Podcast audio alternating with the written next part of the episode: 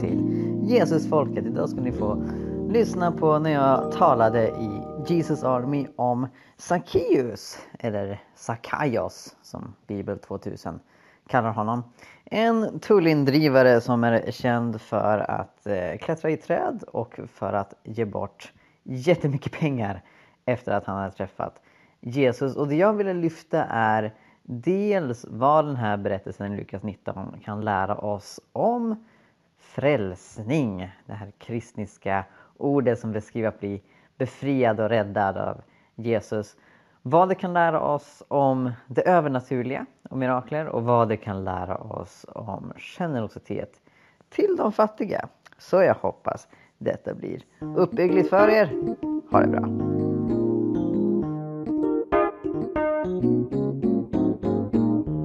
I made a documentary about this church. It's available on YouTube for you who want to see it. It's called Everything in Common. And oh, no, pro- no problem. Um, well, in, in this documentary, uh, I interview Hugh, for example. I interview Yvonne as well, and Mike, and Heather, and Patrick.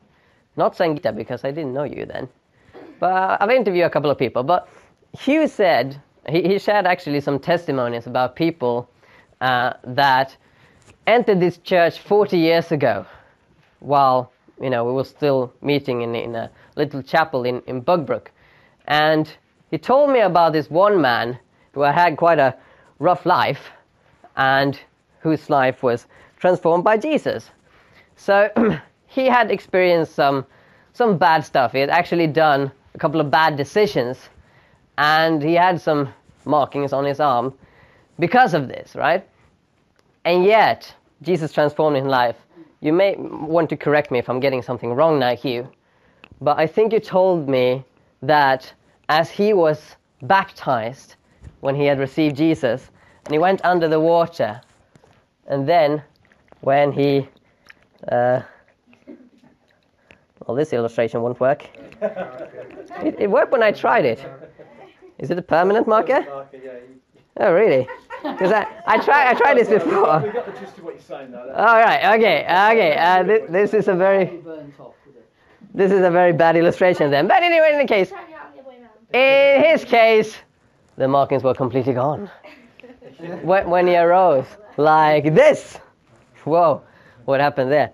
Now, now seriously, uh, this wasn't very impressive. But in his case, actually, when he arose uh, from the water, the scars from his previous life were completely gone. And usually, water doesn't have that effect, as you can tell. So, this was a genuine miracle that happened in his life. Now, doesn't happen to all of us. There are people that have been baptized and they still fall, and the markings from their previous lives might still be there. But surely enough, God can transform us if we open the doors of our hearts. I want to read a, a scripture to you that's about this really um, from Luke chapter 19. And it's one of my favorite passages. It's about a man called Zacchaeus. Now, we know a couple of things about Zacchaeus. We know that he worked for the Roman Empire, which made him very unpopular because the Roman Empire was was a very bad empire. They were, you know, crucifying people. I'm really sorry to interrupt. Me and Huh? Leela are going to have to leave. I'm All afraid. right, I'm so okay, yeah. My two boys won't settle for my mum. Ah, I see. yeah, I'm ever so sorry. And No problem, no problem. Leela, could you put the Lego away? I'm so sorry to no, interrupt. No, no worries, no worries. Are you sure? I'm so sorry. Remember her guitar to take over. Oh, yeah. Yeah, exactly. Don't forget the guitar. No problem, Louise. Thank you so much for coming. Yeah. And thank you, Leela, for coming. It's been such a blessing to have you here. Definitely, Leela will definitely be coming again with me if that's Yeah. okay, if she's enjoyed it. Yeah, yeah. I'm so sorry that what happened to me. No, that's Fergie. all I right. do Uh, that's okay, apologise. Louise. We understand. Yeah. I do apologise, but thank you again. Oh, we've had a lovely evening. Thank you. Yeah. You could just pass that box. So, trying to find the card. Thank you very much. Good girl, darling. You have got Yeah. the right guitar, haven't you? Bye then. Bye-bye. Leela. Thank you for coming. Thank you ever so much. Thank you, Louise. Bless you. Yeah. Wonderful. Now, as I said, um, we know that Zacchaeus was working for the Roman Empire, which made him unpopular. We also know that he was uh, very rich because of this. And we know that he was short. So, he was shorter than the average man. And then Jesus comes to town. And he wants to see this. But, you know, there's a big crowd gathering because Jesus was quite famous. And so he can't see anything. So he climbs up a tree. Hello, Adrian. yeah. Don't worry, I won't, I won't fall on you, I think. So, uh, Luke writes the following Jesus entered Jericho and made his way through the town, and there was a man there called Zacchaeus.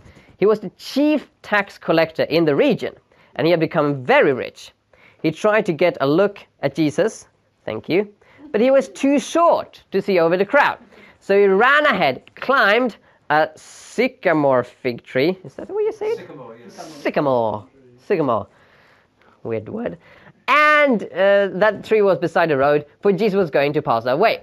When Jesus came by, does someone want to illustrate this? Mark, do you wanna wanna play Jesus? You want to play? Oh yeah. Yeah, yeah, yeah, yeah. Of course, of course. I do. I just like walk past. Yeah, you're walking past. Do I walk with like a, a, a kingly kind of thing? Yeah. Yeah, I'm, I'm sure Jesus walked in a very posh way. So Jesus came by. He looked up at Zacchaeus and called him by name. Zacchaeus, He said, come to me. I want to eat with you. Are you going to invite me into your home or what? And Zacchaeus was very glad when he heard that. He quickly climbed down to Jesus. Hello, Jesus. Are you a vegan. oh, no, of course not. Why would I eat rabbit food? Brilliant. Yeah. He, he took Jesus to his house in great excitement. Yeah, come to Yeah. my house. Yeah. Yeah, I, no, I, I take you to my house because you don't live here, Jesus. Yeah, all right. Didn't have a house. So, um, Zacchaeus was glad, but the people were displeased. Yeah, yeah, What sort of guy who is? yeah, exactly. They said, "Why, why has he gone to the guest uh, to be the guest of a notorious sinner?" They said, "Yeah, yeah, I am." But meanwhile, Zacchaeus stood before the Lord and said, I will give half my wealth to the poor. And if I have cheated, Lord, uh, for on people on the taxes, I will give them back four times as much. And then you, you can read there what you responded, Jesus. So Jesus responded, Zacchaeus, vegan or no vegan, salvation has come to this home. Yeah. Today, for this man here has shown himself to be a true son of Abraham, for the Son of Man came to seek and save those who are lost. Amen. Big applause for Mark for playing this role. Now, did you notice there was quite actually an asto- astonishing miracle that happened while Zacchaeus was in the tree? Chloe, small anymore. y- well, um, Was that on accident? no, uh, no, yeah, he was small. It was just me being lazy. Yeah, no, he, he was actually he, he was still as tiny. He, he was he could see more because he was in a tree. But but there was actually a miracle going on here. Did you catch the miracle that happened when Zacchaeus was in the tree? Jesus knew he was up there. Yes, him, possibly, Knew his name. and even more. Oh yes. He knew his name. Oh yes. He knew his name. Now there, there was a time I didn't think about that this was actually a miracle. Um, do, I, do I pronounce miracle wrongly? No, you're okay today. Okay, mir- miracle. You less American. Yeah. Miracle. Yeah, miracle. Miracle. Yeah, miracle. All right. So, miracle.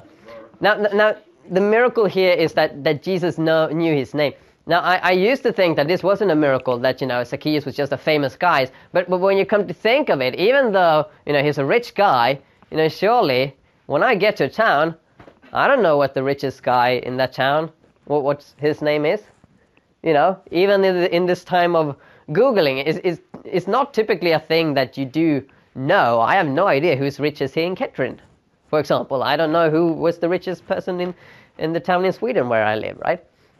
Um, and, and you know, so so I I really do think that Jesus knew Zacchaeus' name supernaturally and that this was something that astonished Zacchaeus. Obviously, Zacchaeus wanted to meet Jesus even before that, uh, but I think that this, this is something, this is uh, what you call a word of knowledge when uh, you supernaturally know something about another person. And this is something that's still going on today. All right? So, so back in Sweden, the church I, I used to belong to, uh, is being pastored by a man called Hans and his wife Lotta. And Lotta is quite an unusual name for you, I, I would assume. It's quite a Swedish name. Um, and they went to a conference in the early 1990s um, where it was actually a bishop in the Church of Sweden who had invited a man called Paul Cain.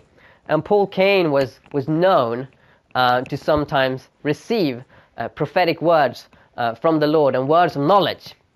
Uh, so, um, because it was a bit controversial, this was a controversial guy, uh, and you know the Church of Sweden didn't want too much trouble. They've actually told Paul Cain not to prophesy on this event, just to, to do some Bible teaching. But but the Lord was really putting a prophetic message on his heart, so he couldn't contain himself. So finally he said, "I have a message for Hans and L O T T A, Lotta." Uh, you, know, he, he had never he had never encountered that name before because that's not a name uh, that people have in the United States where he come from. But he literally saw it, uh, L O T T A. So he spelled that out. And by this time, Hans and Lotta they were nobodies. All right, they they were just involved in a, in a small church in Stockholm. Nobody knew about them. There was no Facebook or Twitter. Uh, you know, there, there wasn't anything written about them in the newspapers. And still, Paul Cain knew their names. Uh, and so he wasn't allowed to share this prophetic message from the stage. So later on, uh, they catched up with him and he shared a message with them uh, in private that actually went on for quite long. So this is something that, that still happens today. And obviously, this event in Zacchaeus' case really transformed his life. And it's quite evident uh, when you see um, the way that he changes. So he is known to be very rich because he actually fooled people, he tricked people. He was collecting taxes for the Roman Empire. And as I said previously, the Roman Empire was a quite ugly empire. They were doing some very bad stuff. But not only that, he was doing so in an unethical way. He was sort of oppressing people. And so, from being this rich, possibly greedy man who allowed himself to trick and fool people, he suddenly says, Half of what I have I shall give to the poor. And for those that are tricked, I shall repay them four times as much. And I don't think that he had very much left after that, you know. Sometimes I'm, i I, hear people argue that, oh, well, this Zacchaeus guy, he wasn't as generous as, you know, for example, uh, Barnabas, who, who gave up everything that he had, or Peter, or, the other disciples. But when you come to think about it, it's not just that he gives half of his wealth to the poor, he also gives back to those that he tricked. Uh, so, um, you know, arguably he didn't have much left. But he thought it was worth this. And this was due to one single encounter with Jesus. One single encounter. That was so transformative for him that you see this radical reaction in his life. But it's very important to note that Jesus did not come into Zacchaeus' house because Zacchaeus had given half of his wealth to the poor. Jesus didn't come into his house because he had repaid those whom he had tricked. No! Jesus came into his house to eat with him because he loves him. And when Zacchaeus gives away his money to the poor, repay those that he has tricked four times as much, that's a reaction to the love that he has received. And it is a great, tremendous reaction. It's a very radical thing to do. But that was because it was a very radical love that he encountered in Jesus. The Son of God, who knew his name, who knew everything that he had done, all the ugly tricks that he had used against people, all the people that had suffered because of what you've done. Jesus knew all of that. And he said, I want to eat with you. I want to have a relationship with you because no matter what we have done, no matter all the sins that we've committed, all the people that we've hurt, all the times that we have hurt God with what we've done, Jesus still loves us and Jesus still wants to eat with us. Always. He's constantly knocking on our door, asking us to come in. Never forget that. It's not about what we do, it's about what He has done. When Jesus died on the cross for our sins, He wiped everything out. Praise the Lord. That's some really good news, isn't it? Now, Jesus, in fact, says, as um, Mark exemplified, that he came to seek and save those who are lost. Those who know that they are lost, that they have gone on the wrong track, that they have done mistakes, that they aren't perfect. Those are in a very good position to have a meal with Jesus. Because those are the people that Jesus wants to eat with. However, those who think that they are perfect, those who think that everything is going well with them, and those who think that they are good people in their own power, they're in a dangerous position. Because they think that they themselves are God. But if we acknowledge that I am a sinner, I'm doing things that are very wrong in the sight of the Lord, we can encounter Him as we climb up that tree and long for Him and search Him. That's amazing. And as we've encountered Jesus, an adventure begins. An adventure that we can invite others to. And as I've been saying, you know, this transformation can be tremendous, but sometimes it takes time. Sometimes it isn't instantaneous. And we do fail even as we're following Jesus. I mean, look at Jesus' own disciples. You know, they were walking with him. They were waking up every morning and there was Jesus lying beside them. I mean, their experience must have been so amazing and yet they were very fallible. Right? Peter even denied Jesus three times, even though he has said that he would never do so. And that, that's important to realize that we know that Jesus can transform. But sometimes, for our own benefit, he does so in different parts due to what we can bear at that specific time. So I've personally been dealing with stuff the last couple of months that trade back a long time. People that have hurt me very badly, and I have buried that within myself. And those inner scars haven't gone away instantaneously when I was baptized, just as these markings on my arm. Will I always look like this? Ah, I'll be treated like a leper. In any case, um, but God has brought that up and dealt with it because now is a time where that was needed for me to do. And so God's transformation is limitless.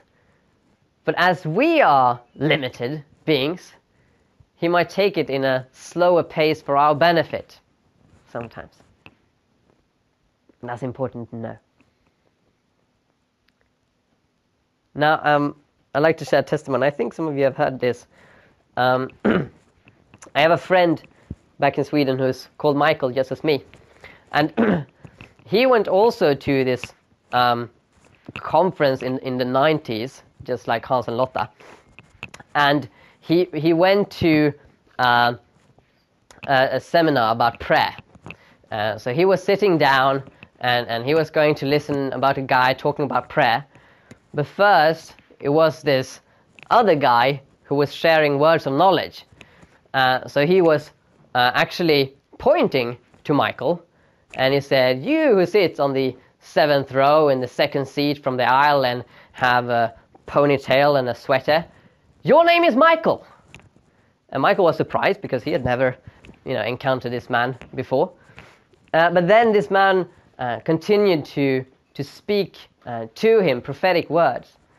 And he said that, uh, for example, you have the hands of a miracle worker. God will heal uh, children and youth with autism through you.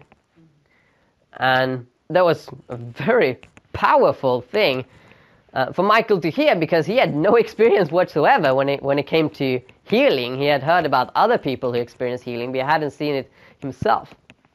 And then half a year later, uh, he was in Bangalore, uh, in India, and he was um, doing some something for his university. Uh, he was sort of studying a Pentecostal church there, and, and so there was this kid in this Pentecostal church, and Michael said, "Hey, you want to go to to uh, this theme park? Yeah, I want to go to that theme park." So they went, and they were going to a theme park, but then uh, they they saw a church by the road, and Michael wanted to check that church out. Uh, so they went to this church. It was actually a, a Tamil church. Sangeeta is gone now, but you can tell her that. And and um, yeah, they, they were uh, knocking the door, and a pastor opened the door and said, "Welcome, Michael. We have been waiting for you." And Michael was very surprised again, and he said, "All right, okay. You seem to know about me. Have you heard about this field trip that my university class is taking?" And the pastor was looking at him as he was talking Swedish. Uh, he didn't get what he was saying, but but he uh, said, "Come around, and I'll show you something." And they went to the back of this church, and uh, at the back of this church there were um, a lot of shacks. Uh, so this these uh, poorly constructed uh, shelters where about 50 um, young people with autism uh, lived. So they had actually been um, thrown out from their families because their families um, weren't willing or weren't able uh, to provide for them what they needed. And so this Christian church was the only place they could go to. Uh, so there were around 50 of them, and the pastor called uh, on their names, and they sort of came there and they lined up in a straight line. And Michael said, Are we supposed to pray for them? And the pastor said, Of course, that's why you're here. So Michael started to pray for every single one of them. And I've interviewed him uh, about this. That's also in a YouTube video. It's called Hands of a Miracle Worker, so you could check that out if you'd like. Um, he said this Some of these young people, when he prayed for them, they were able to speak for the first time in their lives. Others, there was no change that was evident. But, Michael said, all of them were touched by the love of God.